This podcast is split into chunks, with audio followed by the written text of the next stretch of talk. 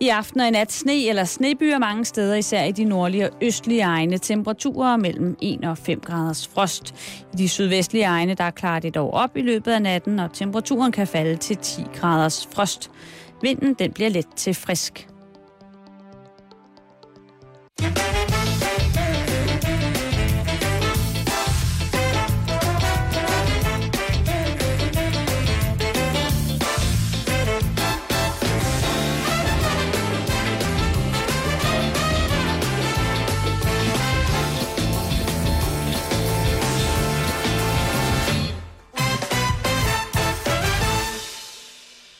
Så har jeg den rigtig store, udsøgte fornøjelse at byde velkommen til øh, en gæst. Det er Diane Gitberg. Dorte Kollo. Det er en fornøjelse. Tak, det er mig en ære. Nu skal du høre, hvad vi skal. Ja. Uh, vi skal tale en lille bit smule om uh, din tidlige karriere, Okay. og så over i den nuværende del af din karriere, og Ja. så en lille bitte smule om, uh, om mænd til Okay. sidst. Jeg tror, du skulle til at sige om afslutningen af din karriere, som forløber så lige linje. Hvis du er tæt på at trække dig tilbage, så kan du annoncere Så kan det vi her også. annoncere den nu. Det vil sgu være lidt af et skub. Okay, lidt om mænd. Super. Uh, og vi- jeg vil gerne bede dig om en ting i løbet af interviewet. Ja. For jeg har nemlig uh, læst et interview med uh, den talkshow-vært, som jeg beundrer allermest, som blev spurgt om, du ved, hvem kunne være gæst på dit show? Og så sagde han, jeg er egentlig ligeglad med, hvor kendte folk er. Hvis du har tre gode historier, så velkommen. Så okay. Kan du sgu være med. Ja. Så i løbet af den, øh, det lille stykke tid, vi sidder her, vil jeg gerne bede dig om at løbe tre historier igennem og vælge den ene af dem. Okay. Og så altså tager- i hovedet? Ja. I hovedløbet tre historier igennem og tænke, hvad for en af de historier skal jeg fortælle? Ja, så tager vi en af dem til sidst. Og det er Okay. ikke noget, du behøver presse dig selv for ligesom at hitte på. Du skal bare have det med i baghovedet, ligesom. Og den skal ikke være sjov, eller den skal ikke være, skal den være øh, dræ, altså, psy- psykisk dræbende, øh, drænende for mig? Øh, er, er, Ja, er noget, det- skal det være noget personligt? Skal vi, øh, du ved... Det tror jeg, vi giver sig selv i løbet af interviewet. Så tror jeg, den helt rigtige historie dukker op. Okay. Vi starter i 1992. Ja. Der bliver du nummer tre ved DM i stand-up. Ja. Kan du huske, hvad du optrådte med? Øh, jeg optrådte med, med ting, jeg havde skrevet om. En del, som jeg havde lavet noget revy. Noget revyhalløj, jeg skrev om. Og så nogle personlige oplevelser fra, at jeg stod fader for min storebrors øh, øh, ældste søn. Ja. Øh, og her under sætning, og jeg råbte jo enormt højt dengang, og var meget manieret, som det hedder i uh, teatersproget. Øh, hvor jeg sagde noget i retning af, og så siger præsten, er barnet hjemmedøbt? Det spørger præsten åben. Øh, Det spørger de jo om i kirken. Og så et eller andet, og så siger jeg noget med, nej, gud fanden er barnet der ikke hjemme? Tror du, jeg har sådan et Jans hjemmedøberi hjemme i baghaven, hvor jeg, og så kørte det ud af. Og det var, øh, det var en stor succes. Altså, det, det var, altså jeg, jeg peakede, jeg havde ikke optrådt selv længe der, jeg havde ikke optrådt ret mange gange. Jeg peakede øh, ved, øh, da jeg fik den tredje plads, ved DM i stand-up i 92. Og, og jeg kan lige så godt sige, fordi nu er det jo meget upræsentiøst det her, ikke? Jo, Stille og roligt, nede Ja. ved jorden. Og, øh, og jeg kan lige skal sige, at jeg stod og bad til, jeg tænkte, så, så, så, så, så stor stjerne, tænker jeg inde i mig selv, jeg tænkte, øh, bare jeg ikke vinder. Kære Gud, bare jeg ikke vinder. For det gik virkelig godt. Jeg kunne, altså, publikum var... Det, jeg havde altså, de bedste otte minutter nogensinde på det tidspunkt, jeg, jeg havde lavet øh, i min halvårige karriere på det tidspunkt. Men jeg følte slet ikke, jeg var klar. Altså, jeg havde de der otte minutter, og det var det. Og tænkte, nu, hvis jeg vandt, hvad fanden, så skulle jeg ligesom stå der og have kickstartet noget, og jeg læste på Lampe Højskolen med Frank mm. Vam og sådan noget der, ikke? og så stod jeg der.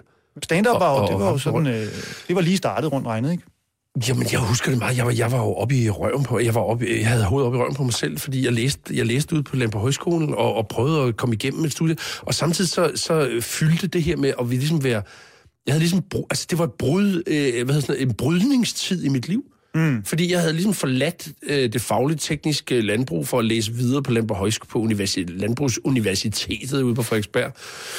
Og samtidig så var jeg kommet ind på studenterrevyen. Øh, hmm. øh, øh, krone, bånd og stjerner på, hvad hedder det, Kongelig Majestæts Aktørs og sådan noget der, og ville enormt gerne scenen, men, men anede ikke. Altså, jeg, jeg kastede mig ud i alle, i alle retninger. Så det var, det var sådan en meget brydningstid, og samtidig var jeg sådan lidt, øh, og kæft, jeg bliver aldrig til en skid, mand. Jeg, jeg, jeg er 30 år eller 29 halvt, ikke? Og, ja. Ja. alle mine kammerater, de har familie og børn og karriere og alt sådan noget. Jeg fiser rundt på SU, ikke? På studie, jeg er 30 år gammel, ikke? Og det kører bare overhovedet ikke for mig. Hvad så jeg med- husker det som sådan en småt depressiv periode.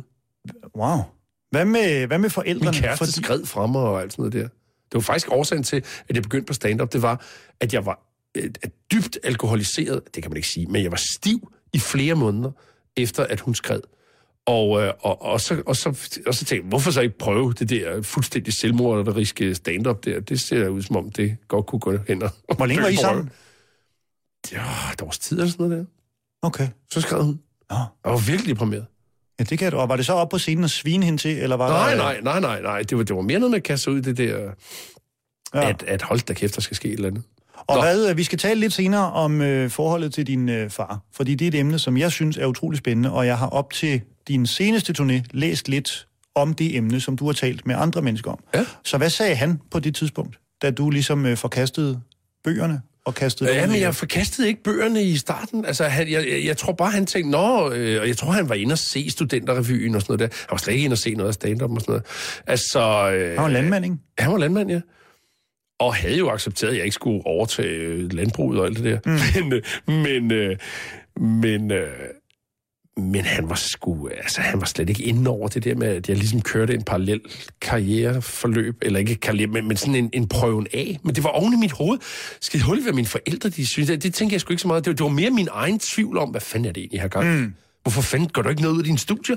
Hvorfor bliver du ikke god til plantekendskab 4 og botanik 11 og jordbrugsøkonomi 11 og sådan noget der, ikke? Hvorfor bliver du ikke god til det? Ja. Men du bliver jo godt nok slugt ind i uh, den store mediemølle, fordi i 1995 laver du check-in hos Myggen. Ja. Nå gud, ja. Kan du kort fortælle, hvad det er? kan du godt fortælle, hvad det er? Oh, Det lyder heller ikke som et program, der nødvendigvis er mange anekdoter fra. Var det et stor succes? Nej, og ved du hvad, vi lavede 80 programmer. Hvad gik det ud på? Vi lavede 80 programmer. Det var et, øh, et talkshow, som foregik i en fiktionsverden. Og Ingolf Gabold, øh, du ved, som er et stor dramachef og øh, stor kanon, han var, han var redaktionschef på det. Jeg tror, det var sådan lidt en... Øh, han var blevet fyret for DR, så var det sådan lidt en, en, en biting for ham. Ja. Det, det var en- et talkshow, hvor jeg, skulle skrive, jeg skulle skrive til... Det var min første skriveopgave. Øh, nogen havde, havde set mig på scenen, og så spurgte de, kan du ikke skrive til, til, Peter, til Thomas Mygind? Øh, du ved, fangerne på fortet, Thomas Mygind, han skal være talkshow-vært. Og det blev så lavet i et hotel, som, så gæsterne, du ved, Jes Dorf og øh, øh, kendte sanger, kom så ind og blev interviewet af Thomas Mygind. Og, og det var så en fiktion. Jeg skulle så ligesom være den gakkede øh, øh, hotelreceptionist, Ja. som gav dem nøglen, og så gik de op, og så var, havde jeg sådan nogle drømmesyn, hvor jeg så, det var, det var virkelig syret. Og så, og så var det, lavede vi øh, altså fire programmer om ugen, så, så vi, vi havde nogle altså fuldstændig, altså folk hvis bryst, hvor der sad nede på knæene af træthed af, os, af at få skravet nok kendte ind til det der talkshow. At det var en fuldstændig maskine øh, af interviews, vi ja. bare skulle igennem. Men du blev ikke afskrækket, for du laver også samme år, 1995. Det var et godt år for Jan Gitberg. Stjernejoker. Ja, ja. Det var samme firma. Så var man jo ligesom inde i... Du ved, så er det jo sådan, så, så er man inde i sådan noget, så siger, at han er sgu meget sød, og sådan noget. Han er meget omgængelig, og øh, det er måske ikke det mest talentfulde, han skriver, men han er meget omgængelig. Kan han ikke, øh, kan du ikke sætte ham til at... Og så optrådte jeg jo med Mette. Mette Lisby var, var vært på det. Mm. Og så var jeg hendes øresnegl, og var med til at skrive manuskripter til hende, og, og sådan noget der. Og så var man ligesom i gang. Ja. Samtidig med det, forsøgte jeg jo at gøre min, min, kant, øh, min kandidatgrad færdig på var fuldstændig, fuldstændig selvmords øh, ting. Og så kommer tæskerholdet i 97, og det, øh, det har du næsten fortalt så meget om, så det synes jeg, vi skøjter. Kammerater. Let og elegant henover. Øhm, øh, Og da, Driving Miss Crazy ja, har jeg også stående på et stykke papir. Ja. Et program, der blev lavet et program af. der blev lavet et program af det. Det var, det var, det var en pilot, Det var noget, du udviklede selv. Nej, nej, det var, det var øh, den ære skal jeg sgu ikke have. Øh, Kasper og jeg, vi blev ansat af TV2 til at komme op med idéer. Det var lige efter tæskeholdet. Ja. Der var vi jo enormt hotte, og det, blev, det var på forsiden af Ekstrabladet, at, at Kasper Christensen og Erik Emmer, de forlader, tæskeholdet forlader Danmarks Radio og går til TV2. Det var på forsiden af. Ekstrabladet. Ja, det var helt vanvittigt. Øhm, og så skulle vi så ud, så sad vi et år og udviklede for TV2, altså lavede idéer ja. og sådan noget. Og et af dem, det var så Driving Miss Crazy, øh, som ligesom var, at vi skulle, vi skulle sætte os i en stor amerikanerbil, og så skulle vi køre rundt i København. Og så, det var sådan en rullende talkshow nærmest. Og, og vi lavede så en, øh, en ret sjov øh, pilot, som, som varede 8 minutter eller noget af den stil der. Og så skulle vi så lave det, så, så, så, så prøvede vi, så skulle vi så lave et program Sankt Hans Aften, fordi der må jo ske meget i København. Og der skete ikke en skid. Det det var, og, og, og, og, og det blev så sendt, øh, det varede 20 minutter eller noget af den stil. Og øh, ligesom for, for, for nemmen kunne det et eller andet, ikke? Og det kunne ikke en skid. Så to, vi- to fyre i en bil, i bund og rundt og kørte rundt. Det var i bund og grund, ja. Ja. Øh, Det lyder som uden- Top uden- Gear, bare med et lidt skrabet, skrabet budget. Fuldstændig. Det, var, og det, var, det kunne lige så godt være to skraldemænd, man bare sendte rundt til at, at fjerne dagrenovation. Og så var der vindhætterne, Nå, der vindhætterne, og ja. der gik faktisk ret lang tid, før jeg fandt ud af, hvad en vindhætte var. Ja, men det er jo sådan en fagting. Det er Ja. den lille gummi, øh, den der lille, der sidder her på mikrofonen, den der mm. lille øh, skumgummitut, der gør, at når man er ude i vinden og optage reportage, så, så hører man ikke blæsten Men det så er meget. super godt navn, synes jeg. Det, fedt kunne godt være et udtryk, du ved, her, her, her fandt lidt af en vindhætte. Ham, Ja, der, lidt af en, ja. Det kan sgu noget.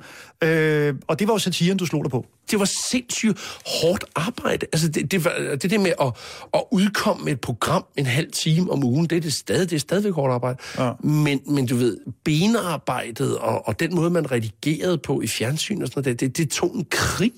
Det var, det var kæmpestort arbejde. Vi knoklede som svin for at få, du ved, nogle små øh, ting til at gå op i... Øh, men, øh, men jeg husker det som, rent arbejdsmæssigt, husker det som, som fantastisk, fordi at, at alle ude på Danmarks Radio synes, at vi var et frisk pust. Ja. Og, og tog imod os med åbne arme og sagde, for helvede fedt, kom, ej, super sejt, ikke? Og du fik for alvor profileret dig som sådan en, der laver det, du Jo, jo, men jeg var jo meget. sammen, altså jeg, jeg havde jo øh, Carsten Bang og Omar Masuk og Mikke mm. Øgendal i redaktionen, det var jo pisdygtige folk, men jeg var ligesom den, der ligesom var den, eller man så måske, jeg var jo den, der ligesom skulle øh, Ja. øh, stå med, med tuspinden på whiteboardet og ligesom finde ud af, hvad skal vi lave i den her uge og sådan noget der. Så det var også sådan øh, gruppeledelsesmæssigt en stor opgave for mig, og spændende, og Sebastian ja. Dorset og øh, Wolf var også med og sådan noget, ikke? Så det var, det var en enorm sådan kreativ øh, pulje af mennesker, øh, som jeg havde fået lov til at være leder af. Det var skidespændende, men det var enormt opslidende. Mm. Og samfundsmæssigt synes jeg sgu, altså jeg synes ikke, det var... Man kan måske sige, at folk havde måske... Altså, de cases, vi tog op, det var der flere, der havde hørt om, ikke? Altså, det var lidt mere sådan... Uden at det lyder som om, det var i gamle monopolets mm. dage. Men, men folk var måske sådan lidt mere... Øh, det, altså... Øh, åh, ja, der var knap så meget reality, ikke? Der var knap så mange ting, som var forstyrrende. Alle mulige Ja. åndssvagt segmenterede ting, som, øh, du ved, var subkulturelle ting, man skulle have hørt om og sådan noget der. Det, det, det beskæftigede vi os ikke med. Jeg husker bare verden som, øh, som mindre hård. Altså, Mindre det, det lyder jo så øh, Altså klichéfyldt at sige. eller hvad? Nej, men altså, nu skal vi jo så også tilbage til, hvornår var jeg 14-15 år gammel eller sådan noget lignende. Det var jeg i, ja, det var jeg sgu i 90, rundt regnet. Ja. Men der er vi jo så faktisk også, øh, der er vi jo heller ikke der, hvor vi er nu, rent tidsmæssigt. Så Nej. det er jo faktisk lidt dumt, det siger. Hvad, hvad tænker du, hård som i øh, hvad, færre skyd efter Lars Hedegaard, eller, eller hvor er vi henne der? Jamen, eller, det der, jeg synes, øh, nu kommer jeg jo til at lyde røvgammel, men jeg Ja. synes bare, at verden har mistet meget uskyld. Åh, ja, ja. Fordi jeg husker jo, dengang jeg voksede op Øh, hvor er det, du vokset op hen? i øh, Hørsholm, I Hørsholm. men den barske del af Hørsholm, den der Kokkedal? ligger nede lige ved Kokkedal. Lige ved siden af Kokke, ja. Men det, jeg ligesom husker, det var, at alle havde en kniv. Nå. Dengang jeg var lille, vi, havde vi gik rundt med knive. Så Ja, spejderdolk. jamen også folk, der ikke var spejdere. Øh, Nå, okay. Og du ved, jeg ja. kan da huske, jeg havde en ven, der havde en kniv. Det var sådan en med slangebøsse i skiden, og med sav på den ene side, og altså, det var voldsomme ting, men der skete jo aldrig noget. Vi brugte den bare til at kaste efter hinandens ben i sådan en underlig leg, hvor man skulle se, om man turde stå med fødderne længe det Ja, samme sted. Ja, ja. Sådan noget der. Ja. Så Men det er jo også sjovt, det, det er jo det der med, at, at der er jo nogle ting i dag, som bare er blevet, du ved, som man ikke, som man ikke rører. Altså hvis noget har, hvis noget er en, en far, man har lige fundet ud af, at, en dildo, øh, dildo afgiver, øh, du ved, flatalater, eller hvad det Ja. hedder, ikke? Og om, om 20 år, så vil man sikkert, du ved, have sådan en, en vemmelse ved at tage fat i en, nu ved jeg ikke, hvorfor jeg tager dildo op, det var bare fordi, jeg læste det i dag, at, at, der er jo nogle ting, som man er blevet meget mere nervøs for. Altså dengang var vi jo ikke nervøs for at tage en kniv i hånden. Nå. Det var ligesom, jo, jo, vi vidste jo godt, vi skulle passe på ikke at skære os, men nu, hvis man ser en med en kniv, så er det mm. første, man tænker, det er, gud, jeg må hellere løbe i den anden retning, for ja. det kan jo være en galning, der ja. stikker mig ned. Altså, vi har jo også fået sådan en fuldstændig paranoid tilfælde, fordi at vi er blevet, vi er blevet eksponeret for alle de ting, der kan gå galt. Vi, vi lever jo i en frygtkultur, ikke? Hvor, hvor hver eneste dag på politikens forside, så er der et eller andet, men det er, måske, det er for. måske der, vi skal hen. Var det lige så udtalt, da du lavede øh, mange af de her programmer, hvor du var så meget i Nej, kontakt? der var, ikke, der var ikke den der daglige, at nu er der noget nyt, du skal... Altså, i morgen, så ved vi, at så er det gær, der er det mest livsfarlige. Ja. Der var noget med noget salmonella, og der var noget med æg. Man skulle passe på med æg. det var det. Det var en stor ting, ikke? Ja. Men, men, men der, er ikke, der, der var ikke den der paranoia, som der er nu, hvor, hvor... Og det er også det, der gør os enormt fragmenteret, at man ikke kan... Der var ikke så mange fragmenter af ting, du ved, og subkultur, og, og så er det spilbrød, og så er det, åh oh, nej, og, og, du ved, og så er der en klub der og sådan noget, og det, det var ikke så fragmenteret. Mm. Og frem for alt var der ikke så mange ting, som, som vi, vi, vi skulle være bange for. Det var, det var næsten stadigvæk lige før, vi var stadigvæk bange for russerne, ikke? Og hele det der med øh, frygt og alt det der, det har du også lavet et one-man-show.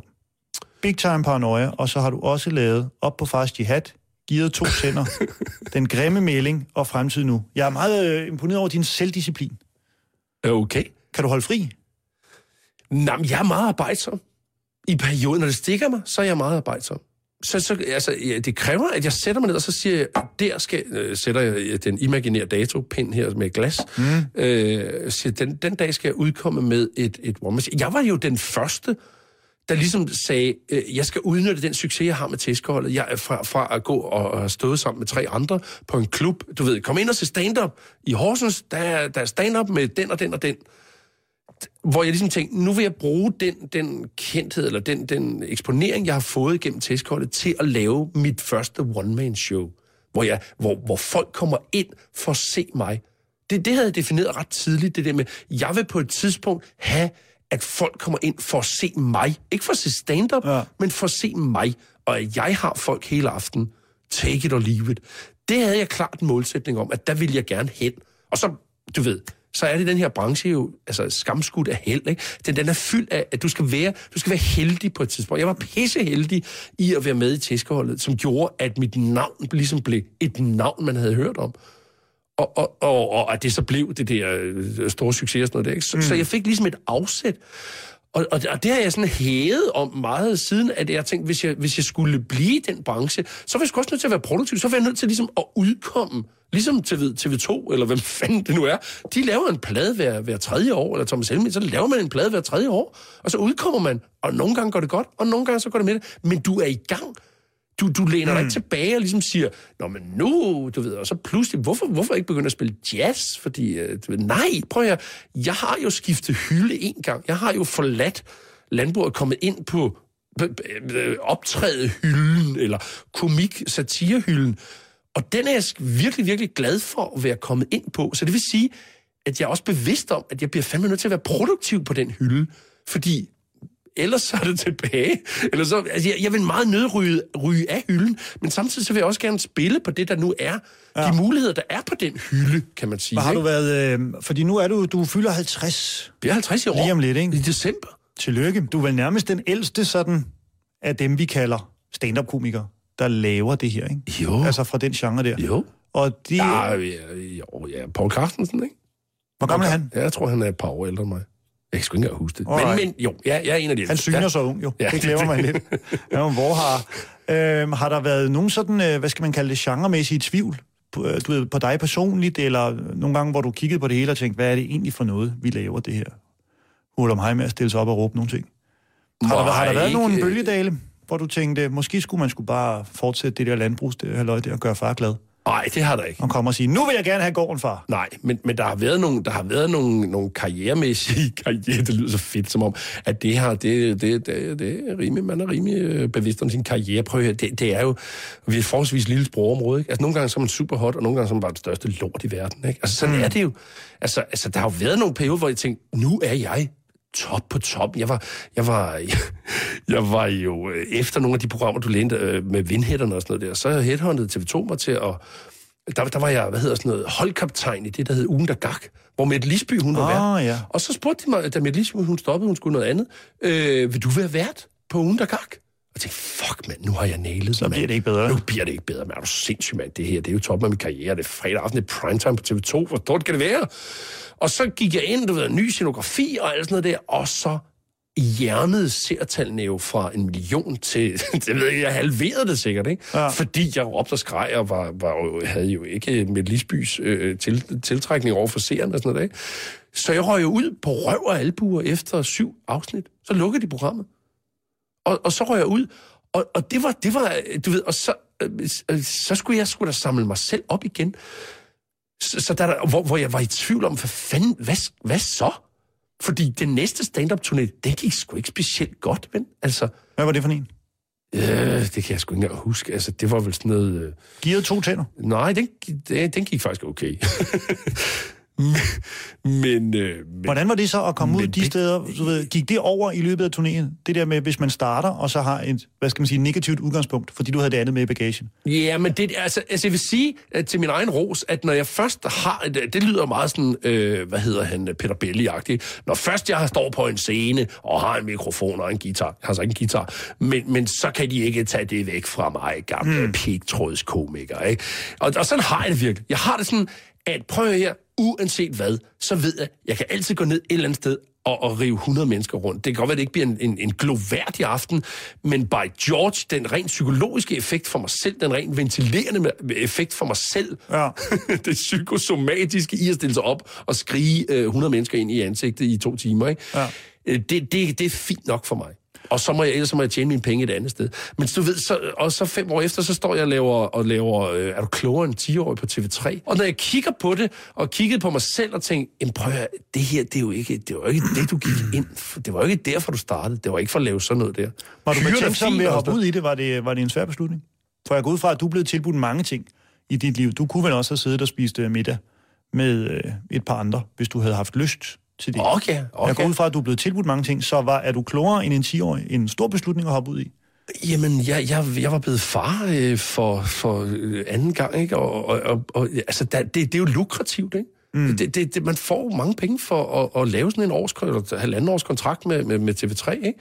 Øh, det er mange penge, og man behøver sådan set ikke at lave andet i de, i de der år eller halvanden, ikke? Og, og du ved, små børn, og der er nogle munde, der skal mættes, og nogle biler, der skal have skiftet vinterdæk og alt det der.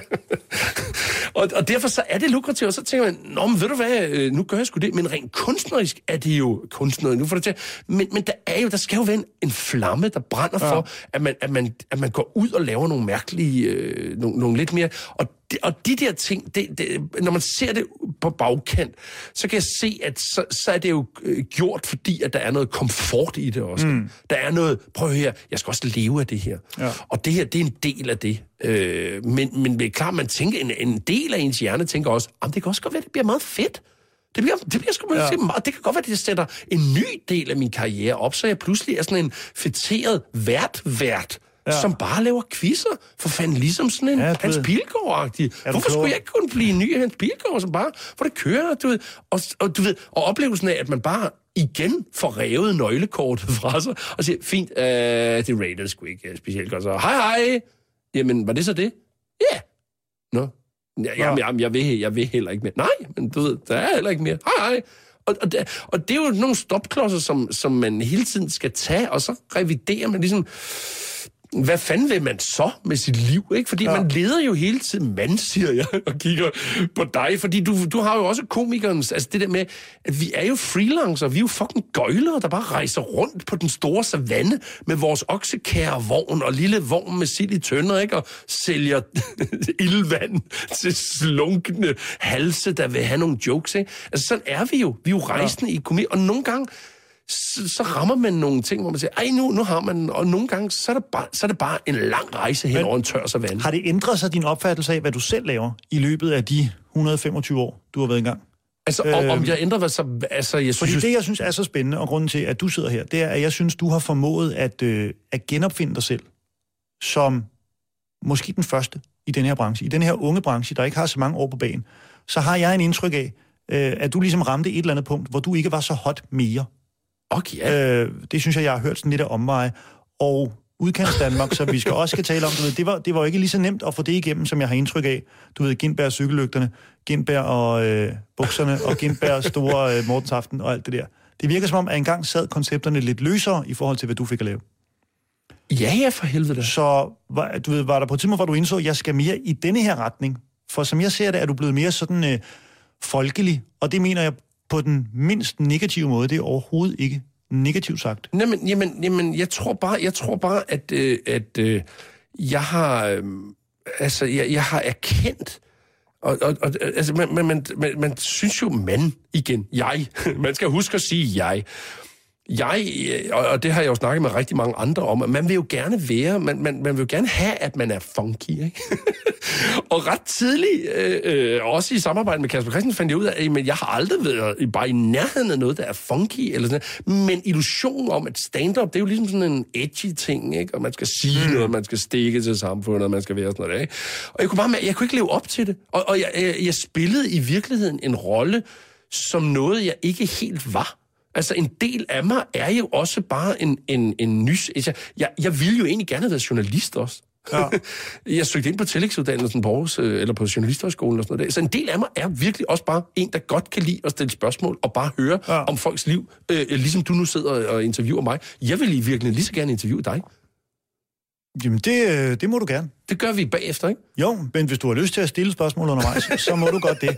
Men her er, hvad... Men, men det er bare for, at jeg, at, at, at da jeg lavede det her på kanten, øh, der var det, det er jo bare et udtryk for, at jeg er kommet mere i synk med, øh, at jeg, på et, at jeg er, arbejder mig hen imod, at, at prøve her, jeg kan sgu godt lide at gå ud og snakke med folk.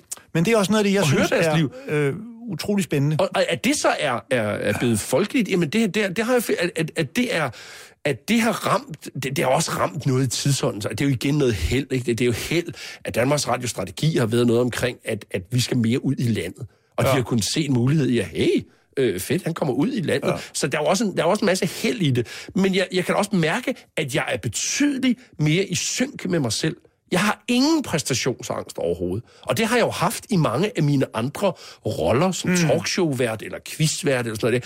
For helvede, når den røde lampe, den lyste i sådan en studie, ikke? så øj, og nogen talte i en øresnegl til mig. Jeg var jeg, ikke panisk, men, men jeg performede bare ikke særlig godt. Nå. Og nu, hvor jeg kan komme ud, du ved, vi bonder hele lortet, og så klipper vi optager 10-14 timer, og så klipper vi det ned til en halv time.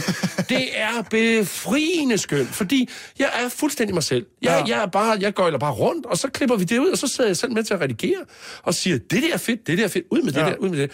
Og det gør bare, at jeg kommer mere i synk med, hvem jeg synes, at jeg selv er, og være mere mm. ærlig omkring. Jeg prøver at høre, hvis folk synes, jeg er en gammel nisse, og det der, det er en nissefjernsyn, som egentlig burde være på TV Charlie, so fuck it. Ja. Fordi jeg, jeg kan ikke løbe fra, at jeg er 50, og jeg er ikke Fuglendorf. Jeg er ikke, du ved, jeg er ikke den nye fede, der skal definere, hvad stand-up er. Jeg er egentlig gammel for helvede. Jeg har 20, m- måske 20 erhvervsaktive år tilbage i mig.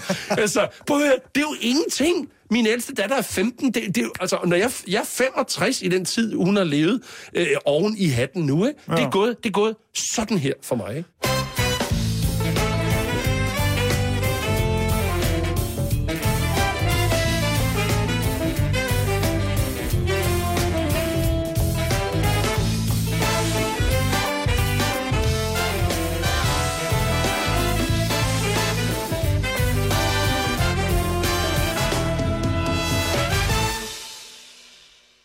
Men det, der jo bare virker så spændende ved der, hvor du er, det er jo, at du har formået at ligesom tage dit liv med i det, du laver. Hvor øh, nu har jeg jo lavet stand-up i 13 år, og færdes i den lidt yngre del af branchen, kan man sige. Og der er jo bare en eller anden påståethed, ofte, som ikke altid holder stik, og som man definerer sig selv ud fra i det, man laver. Og så kan stand-up jo, og det er en ting, jeg har været, haft det svært med, øh, i det, jeg selv lavede, og i branchen generelt, at det er så øh, ekskluderende stand-up det skal næsten være for fedt til alle.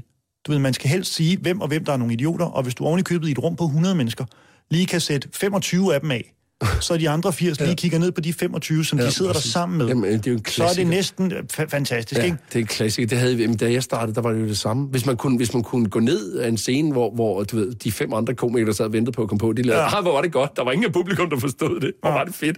Og det, det er jo en fuldstændig sy- psykotisk tanke. Det, Og det er jo sådan en mærkelig... Øh, det, det, var faktisk Palle Strøm fra TV2, der, der sagde det på et tidspunkt øh, til mig. Er det dejligt at se, at du holder op med at optræde for komikere. Du mm. optræder for dit publikum. Ja. Og det er det, det handler om. Det er at finde et publikum, som man synes... Man, fordi det er jo for fanden det, det er. Det, det bliver så journalistisk, det bliver så, det bliver så incestuøst, det der, man, mm. at man er inde i sin egen, øh, i sin egen, i sin egen verden. Ikke? Men, men, men det handler, at jeg tror bare, man bliver en bedre komiker af at være mere ærlig over for, hvor man er i, øh, i, i, i sit liv. Ikke? Altså, Og så finder man også ud af, synes jeg, hvor stor en gave der ligger i at se sig selv som en del af et fællesskab. I forhold til, at man er imod noget. Det er som om, det kan kun én ting hele tiden. Men hvis man går ind i noget på nogens præmisser og siger, at vi er her alle sammen, så ligger der meget øh, materiale gemt i det? Ja, der ligger i... Altså, jeg, Altså- altså, jeg tror, jeg, jeg kan... Mit næste one-man-show, det skal hedde Det Store Spørgsmål. Fordi Det er, på, jeg- er, det, er det på tegnebrættet? Eller Nej, overhovedet ikke. Jeg har ingen plakat eller noget. Jo, men vi har vel sat en dato om et par år, ikke? Altså, der skal jeg vel nok på turné igen, ikke? At jeg synes jo, der ligger enormt meget... øh, Altså, det er jo sådan Seinfeldsk-agtigt, ikke? Det der med, at, at der, ligger jo enormt meget humor i, i, i spørgsmålet. Og mm. det har jeg jo fundet ud af i, i udkendt, eller i På Kanten-serien, der, ikke? At der ligger jo enormt meget øh, øh, øh, morskab og, og humor i, i det sjove spørgsmål. Ja. I det at, at vinkle et spørgsmål, i det at undre sig på den rigtige måde. Der ligger jo implicit i det, en fantastisk øh, gave af humor, hvor man ikke behøver at punche på det og være den, der laver en sammenligning bagefter og sådan noget. Ja. Ikke? Altså, jeg, jeg føler også, at jeg er blevet mindre anstrengt. Altså, jeg tror også, at, at min, øh, min komikform var blevet anstrengt. Ikke? At jeg skulle ligesom komme op med fem billedskabende sætninger. Det svarer jo lidt til, mm. øh, du ved, at øh, øh, du ved, Per Rønt, ved, med et par cykelshorts, som øh, du ved, ligner Helle thorning Schmidt, bla, bla, det svarer jo lidt til sådan noget, ikke? Ja. At, at man bare kommer hen i, i den der lidt mere øh, tilbagelænede, undrende, altså den Ja. journalistisk undrende tilgang til, til livet og, ob, og, øh, og observere, ikke? Ja. Det svarede overhovedet på det spørgsmål, du... Øh, Jo, men det bliver jo lidt øh, abstrakt, noget af det. Det bliver super abstrakt, jo. Altså, Har du været op og slås nogensinde? så det er et godt spørgsmål. Men det er et spørgsmål, jeg har stillet alle gæsterne i denne her uge, fordi øhm, ja, der er bare et par spørgsmål, hvor man tænker, dem kan man stille til alle, som øh, på en eller anden måde er, ja, du ved, definerende ved jeg ikke, om de er, men øh, det leder over til noget andet, vi skal tale om Gud, lige om lidt. Så synes jeg, det her er et spændende sted at starte. Jamen, ved, du, hvad, ved du hvad, for at være helt ærlig, øh, at der, man tror det jo ikke, når man ser sådan 105 kilo som mig, ikke? Mm. næsten 1,93 høj, ikke? At ham, han er da klappet til nogen, eller et eller andet, ikke? eller været oppe at slås. Jeg har aldrig været oppe at slås. Da jeg var soldat, øh, vi, var, vi var til et eller andet over på Vestkysten, øh, øh kom 20 soldater og sådan noget, der var en, der fjernede en stol under mig, jeg røg på gulvet, og så stod han klar til at slås. Og så, fordi min far sagde altid, øh, hvis du i, han sagde det på jysk, hvis du er i slagsmål, så gå fra det. Gå fra det, for på et tidspunkt er der en, der stikker en kniv i dig. Og det har jeg faktisk altid lyttet til. Så jeg har Ja. aldrig været i et slagsmål. Ikke andet sådan noget, du ved, øh, øh, i, mm. altså i børnehaven, ikke? Men, men, du ved, hvor man tung. Men jeg har aldrig været i et regulært slagsmål. Jeg har altid trukket mig. Ja. Er noget, der, I- du ved, så har du været tæt på i det mindste, for jeg kan mærke, det er sådan en ting, jeg tumler lidt med. Øh, jeg synes, jeg er kommet i en alder, hvor sådan noget som øh, sådan noget, du ved, maskulin identitet og alt sådan noget, det fylder meget. Øh, I kraft af, du ved, man selv har stiftet familie, og jeg tænker over mit liv på en anden Og du måde, tror, du end bliver jeg bedre gjorde for mand syv år siden. af at have banket nogen på kæben? Nej, bestemt ikke. Men øh, jeg kunne godt tænke mig at have haft prøvet, hvordan det er, for at få bukt med uvidsheden. Fordi man Og tænker, slå nogen eller blive slået? øh, og have været involveret i et slagsmål, hvor jeg vandt, men med en meget lille maven, og ingen rigtig kom til skade. Du ved, sådan et, hvor man næsten, du ved, Det er sjovt. deler en, Det er en sjovt pizza. Eske, Eske, jeg har altid, jeg har altid grinet enormt meget af, af, af din komik. Altså, når, når jeg kom ind øh, og så på en klub, og, og, og to, øh, tre unge øh, komikere snakkede om, du ved, hvad de nu snakker, så som man, man intellektuelt gik op et, i et helt andet, et helt andet gear, Tak. øh, når, når du kom på. Tak. Det var sødt sagt. Jamen, du er, du er komikernes komiker. Jamen, øh, Det er jo dig, Det, vi alle sammen vil være. ja, det Men- kan man men også så se på vi min vores bankbog. karriere også. Ja, det kan man, øh, så kan man jo prøve at, at Du er den sande få et blik på min kaskredit, og så kan det jo være, at man har lyst til at Ja, revurdere vi den har bare opfattelse. solgt os selv til, til usel marmor. Men, men tilbage til det der med, med, med at definere sig selv som mand i, i, øh, i og det er ikke sådan, at jeg tænker, at en mand skal kunne slås. Jeg kunne bare godt, du ved, hvor, hvis nu nogen gjorde noget ved min familie, på en eller anden måde. Jamen, så er du så høj, så du kan jo tale. Jeg har været i sådan nogle, jeg har været i sådan nogle hvor jeg har talt folk i knæ, ikke? hvor jeg råbte dem ind i ansigtet. Så du har vundet et, men, hvad hedder sådan noget, verbal slagsmål? Ja, ja, ja. Okay. Ja. Alright. Ja, ja. Nej, men jeg, der, der må sgu bare være et eller andet... Altså, jeg har gået til karate engang, hvor jeg trænede som sindssyg, så jeg kender godt følelsen af at få nogen på, øh, på kroppen, ikke på låget. Men du ved, den der, hvordan reagerer man, når man står i det rigtigt? Den, øh, de er i bund og grund spørgsmål om, hvor godt man kender sig selv, tror jeg. Okay. Og der er jo bare en del af livet, som, hvor jeg ikke kender mig selv. Og så øh, vil jeg jo bare høre din øh, holdning til. Jamen, jamen, jeg tror ikke, jeg tror ikke, det bliver bedre at man, man, øh, man er klappet til nogen. Altså, Det, det man bliver heller ikke et bedre menneske af at have slået nogen. Jeg, du ved, man, et større kendskab til sig selv. Jeg ville gerne have haft været op og slås. det kan være, at vi to skal slås nu, jeg Gindberg. Og kæft, hvor er det en mærkelig filosofisk sammenhæng. Hvis jeg nu havde spyttet nogle tænder med blod ud i, tror du så, at jeg øh, havde været bedre til at tale Sørine Godfredsen imod omkring kønsdel? Men synes du, der er noget, der kendetegner... øh, Det lyder så banalt, det her spørgsmål. Men Mhm. jeg har sgu svært ved at definere sådan, øh, hvad skal vi sige, maskuline værdier. Ja, det kan jeg For, jeg, for jeg så den der Sandheden om mænd-film, for eksempel. Øh, den med. Ture Lindhardt, der ja, var ja. voldsomt populær. Og så tænkte ja. jeg, men det er jo egentlig bare sandheden om alle mennesker. Du ved, alle kan være i tvivl, og alle kan have lyst til at knalde nogle andre, og ja. alle kan alt muligt. Og det fylder så meget, det der med mænd og kvinder, kvoter, og hvem er hvad, og mænd, der ikke kan finde ud af det, fordi de også skal kunne vaske gardiner øh, og alt det der fisk. Ja.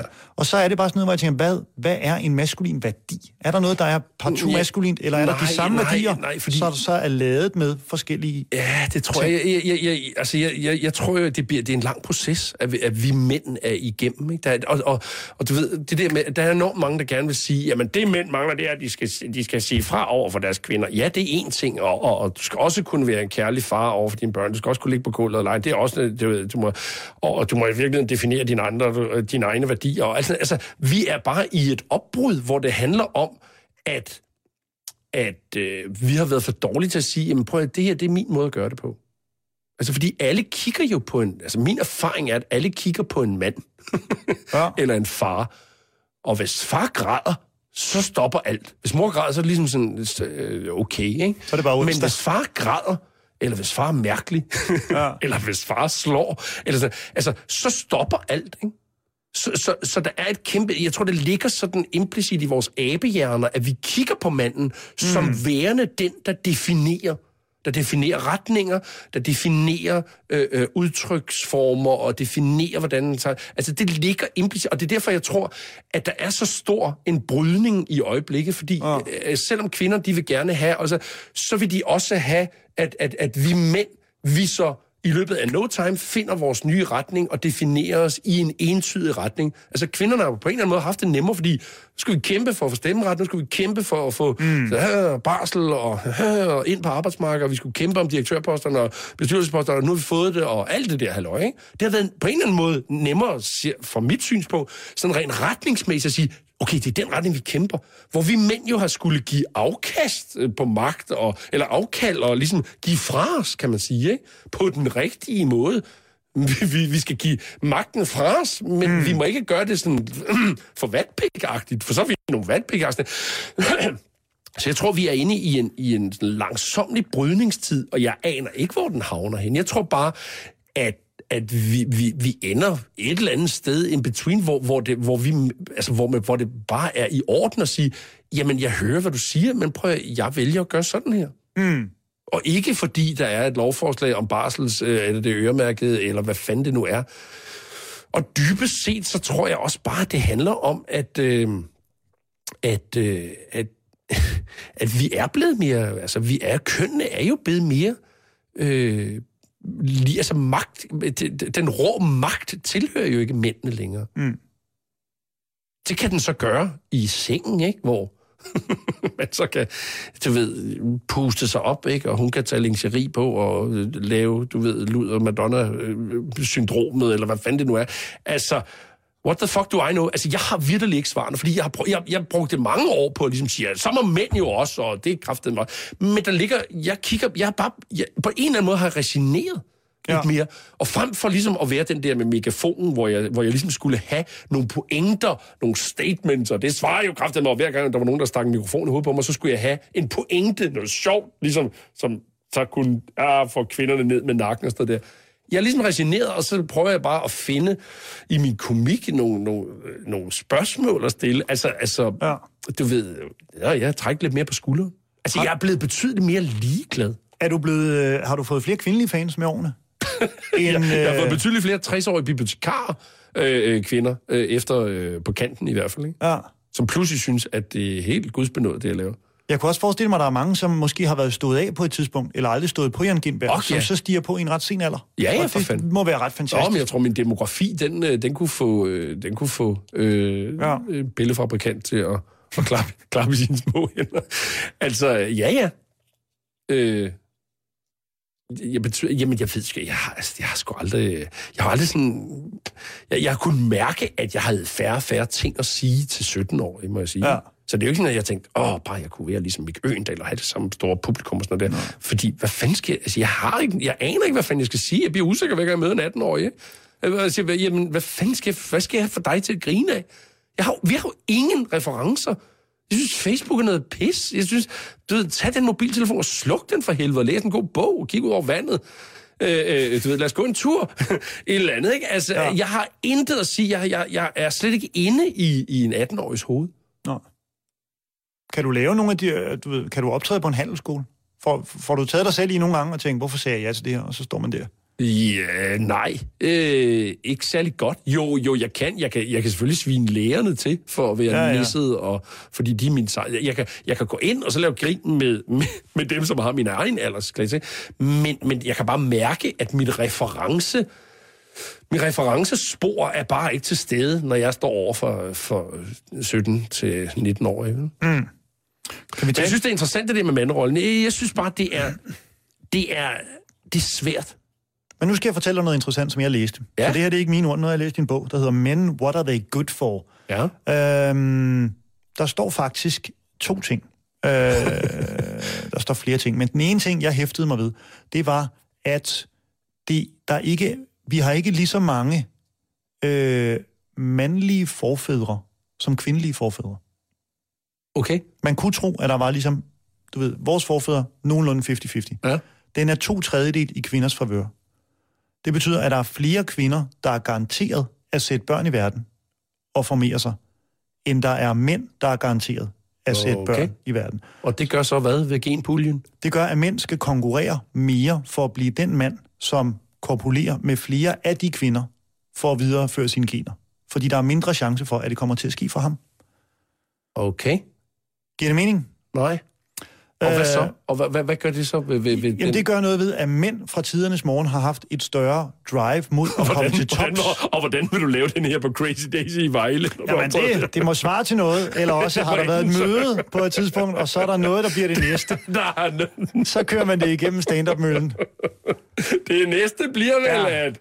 Det har man haft lyst til mange gange, var, når man sidder og så noget stand-up. Hvad bliver det næste? Hvad bliver det og så næste? Ellerne, Nej, det er ikke det næste. Har der været et møde? Nej, der har aldrig været et møde. Svarer det ikke til?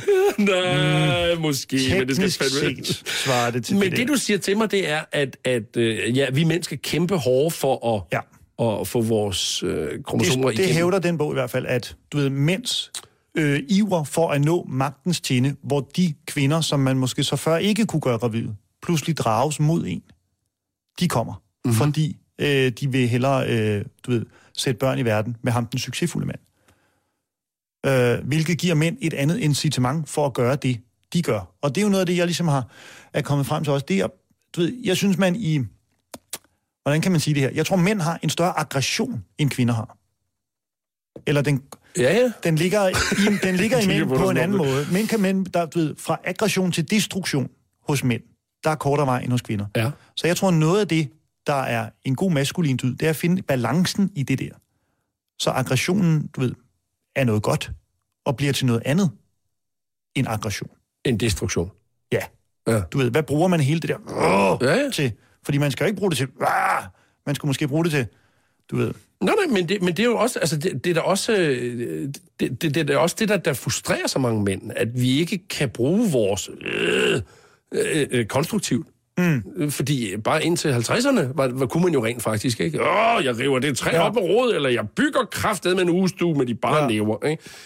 Og det kan man ikke rigtig længere. Altså, man kan ikke bruge sin øh, øh, længere, fordi du, øh, jeg kan ikke få de her aktier, det her aktiesalg til at gå igennem. Man ikke? kan stå altså, ude på bakken og banke den der hammer ned og håbe, den siger pling, ikke? Men ja, så griner folk jo endda hundeligt. Men ham burde man jo hylde og sige, du er jo på rette spor, kammerat. Jo, jo, men det, men det er da også derfor, at det er så, øh, at, at det der er det, jeg, jeg, er virkelig, jeg er virkelig bekymret for den unge generation af mænd, hvordan de skal definere sig selv. Altså, jeg håber virkelig, altså, mm. at de kan definere sig selv, fordi at unge mænd, øh, du ved, eller, at det er kvinderne, der får øh, universitetsuddannelserne, ikke? Det, er- kvinderne bliver jo bare, altså, sindssygt kloge, og nogle dumme, dumme øh, drenge, der render rundt, ikke? Hvor gammel er din søn? og prøve at få noget fjas. Ikke? Altså, øh, og, så ubalancen er sket over en forholdsvis kort periode i vores, øh, neanter, i vores homo sapiens historie. Ikke? Ja.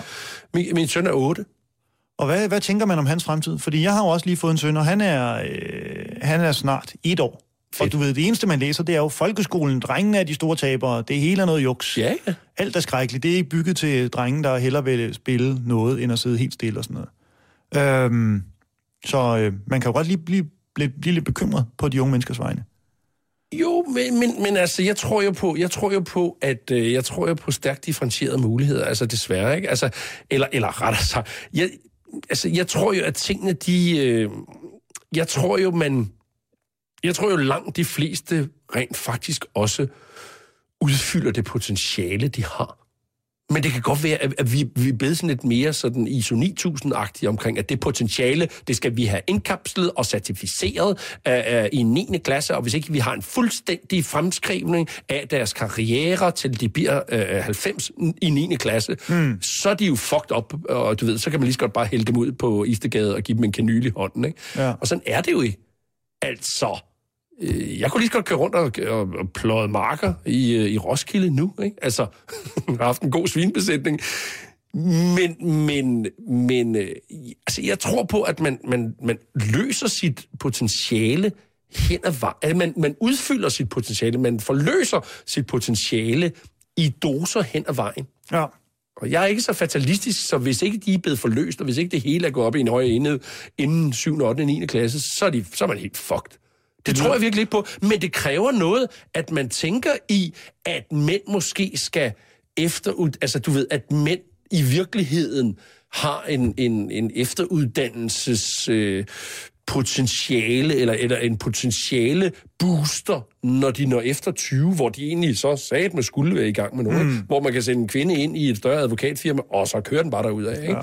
At vi har nogle... Altså, det, det tror jeg forhåbentlig, man bliver bedre til efterhånden, at finde ud af, at vi kan ikke du ved, vi kan ikke fucking tube gøre, remoladetube, presse øh, øh, tusind børn, drenge og piger ned i den samme tube, og så forvente, at vi kan lave den smukke stribe af alle. Og det synes jeg, på mm. en eller anden måde, vi, vi, man prøver. Man prøver ligesom at lave den der remoulade-type af ensartethed. Så kan, ja. vi forholde, uh, så kan vi forholde os til det. Og så kan politikerne komme med nogle tal og sige, og i forhold til det sidste år, og alt sådan noget der. Er det, øh, er det optegningerne til en, et nyt show, det her? Eller er det her noget fra det du gamle? spurgte mig. Jamen det her er jo virkelig, det lyder da som om, øh, jeg synes, det er det emne, vi har bevæget os meget Nej, i, jamen, jamen, i jamen, øh, løbet af hele øh, samtalen. Jamen, det er jo overhovedet heller ikke sjovt. Altså, det er jo ikke, det er jo ikke fedt. Altså, altså, det, det, men jeg kan mærke, at jeg kan mærke, at jeg bliver... Jeg tænkte mere i, at lære, når jeg sad og ævlede så længe omkring et emne, som vi nu har siddet og snakket om. Ikke? Hvis jeg havde gjort det for 10 år siden, så havde jeg jo hver, hver anden sætning skulle forsøge at mase et eller andet sjovt ind. Ikke? Ja. Nu tænker jeg, prøv her. Du har inviteret mig herind, fordi at det, det skal, øh, vi er to komikere, og, og det her, det behøver ikke at være sjovt. Altså, det skal ikke være sjovt. Det, det, det, og, og det er jo en befrielse at nå derhen til at sige, komik, det er mit erhverv, men jeg er jo også et menneske, der har nogle holdninger og nogle meninger og alt sådan noget der. Og det vil jeg sgu egentlig bare gerne sige i en, i en almindelig, let tone, hvor jeg nogle gange hisser mig, op, og hisser mig op som min egen far. Øh, og, og nogle gange øh, bare er mig selv med den nysgerrighed og undren og, Ja. og du ved, mangel på indsigt, som jeg nu har som menneske. Ikke? Men det er da også dele med derfor, at jeg havde øh, interviewet dig, og, øh, eller jeg havde inviteret dig. Undskyld. Og tiden er jo fløjet, Jan. Det er fandme hurtigt, som en time går. Det Ikke? er skrækkeligt. Der er noget med Øh, historie. Jeg skulle komme med en historie. Hvis du har lyst. Er der noget i løbet af den, øh, det stykke tid, vi har talt, hvor du tænker, det er det, jeg gerne vil dele? Overhovedet ikke. Men nu er det, selv- men det er fordi, vi lige slutter med det her med manderoller. Ja. Og, og, og, og jeg tror hurtig historie. Jeg var på New Zealand, jeg rejste på New Zealand sammen med en kammerat for mange år siden. Øh, og så var vi inde i en biograf og se Out of Africa nede i Wellington. Og så biografdirektøren, han inviterede os, han var New Zealand, og han hørte, at vi var danskere og, og sådan noget der. Så inviterede han os op til hans hus, som lå oppe i bakkerne, op på, på Wellingtons bakke op bagved. Om ikke vi kom op i hans øh, åbne sportsvogn. Så sagde vi, jo, fordi sådan er det, når man rejser. Så man ja til alt, ja for fanden da. Og, øh, og vi kommer så op, fantastisk udsigt, og Wellington kommer hjem i hans hus, øh, fordi at, øh, vil ikke, vi ikke have noget at spise her klokken er 11 om aftenen. Jo, for fanden, det er fint, jeg kører tilbage igen til hostelet der. Og så kommer vi ind, bor et stort hus med udsigt ud over Wellington, og øh, I kan lige, I kan lige, øh, og han viste sig så rundt i sove, han er sådan meget, her er mit soveværelse, her er min vandseng, og her altså, og, og jeg går ud og laver nogle drinks og, og Det starter sandwich. jo virkelig spændende, den her Jamen, historie. det. Og så, og så I kan lige, I, I, I bliver simpelthen lige nødt til at hjælpe mig. Jeg har en video her, som jeg simpelthen ikke ved, er den svensk eller dansk? Og fint spørgsmål. Og, øh, og så sætter han så den, og, og så i sætter, starter han så øh, videoen, og, går, og der er så lidt indløb på, og går så ud i køkkenet for at smøre sandwich. Og det er så en hardcore bøssepornofilm, som han sætter på. Som jo så ligesom, altså, hvor det, hvor det hele det krakelerer. Øh, øh, du ved, og, og det der er, det, det, hvad er moral, moral, moral, hvad er moralen i det her? At, at, at det undrer, jeg var, jeg var, hvad fanden var jeg? Jeg var 21-22 år, ikke? At, at jeg var, så vi kunne jo bare gå ud af døren og så sige, prøv at Mark, det var sgu lidt ufint, ikke? Altså, ja. hvorfor troede du, at vi var... Har vi indikeret, at vi ville ligesom bare til mænd, eller hvad fanden, ikke?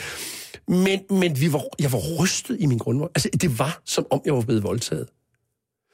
Øh, og, og, og, og, og det er egentlig bare for at sige, nu når vi har snakket om det der med, at, at vi mænd, og, og hvad er, hvad er manderollen og alt sådan noget der. Prøv her, mænd er jo, vi, vi er jo også, altså, hvis jeg kan være øh, så usikker på min seksualitet i, en, i 21 års alder. Ikke usikker på min seksualitet. Det må du, det må du endelig ikke citere, hvorfor jeg har sagt. Kan vi klippe det der? Nå, men, men, men jeg kan blive så skræmt for at blive intimideret er seksuel er en er, er fra mit eget køn. Når det kan fylde så meget, og jeg stadigvæk husker det her 25 år efter, ja. så tror jeg også bare, det siger noget om, at, at unge mænd jo også er usikre, sindssygt usikre ja. på deres rolle. Øh, hvor, hvor, hvor, hvor jeg bare tror, at kvinder har nemmere ved at, defin- altså, har nemmere ved at sætte i sin rolle. Men det er faktisk uh, sjovt. Så, du... så, så, er det, ved, så er, er, det, er, det, er det sværere for os mænd, det er sværere at definere en ny rolle for os, fordi at vi netop har haft forsen i, at vi kunne sige, hvad, jeg river kraftet med de her, øh, jeg, jeg bygger den her båd og sejler mm. til England og stikker ild til noget, og, ja. og jeg, jeg siger, hold kæft, og slår i bordet, og så er der gudskelov en masse mennesker, der holder deres kæft og kigger på mig, og så kan jeg være, øh, så kan jeg være øh, forholdsvis dårlig leder, og, og så alligevel være leder. Og den tid er stoppet nu.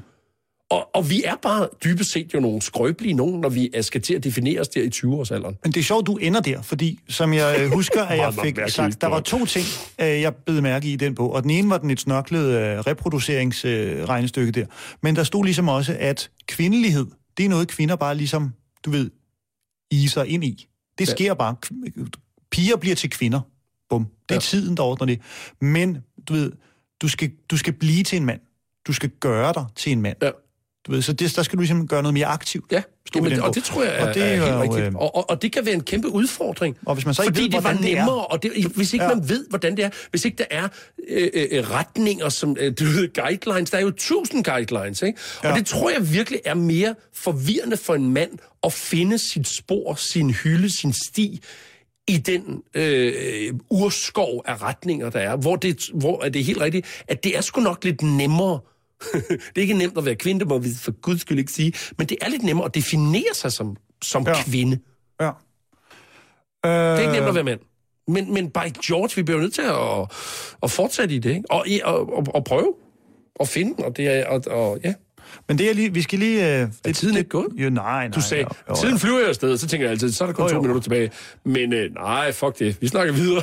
men, men, men jeg tror ikke rigtigt, vi det er kan... Det er 24 hvad, hvad kommer bagefter? Der er jo ingen, hvad fanden, det er jo ligegyldigt, vi optager. Jeg tror ikke rigtigt, vi kan lukke det, før vi ligesom får svar på det spørgsmål, som uh, mange, der har lyttet med i de sidste syv minutter, har, uh, har siddet og spurgt sig selv om.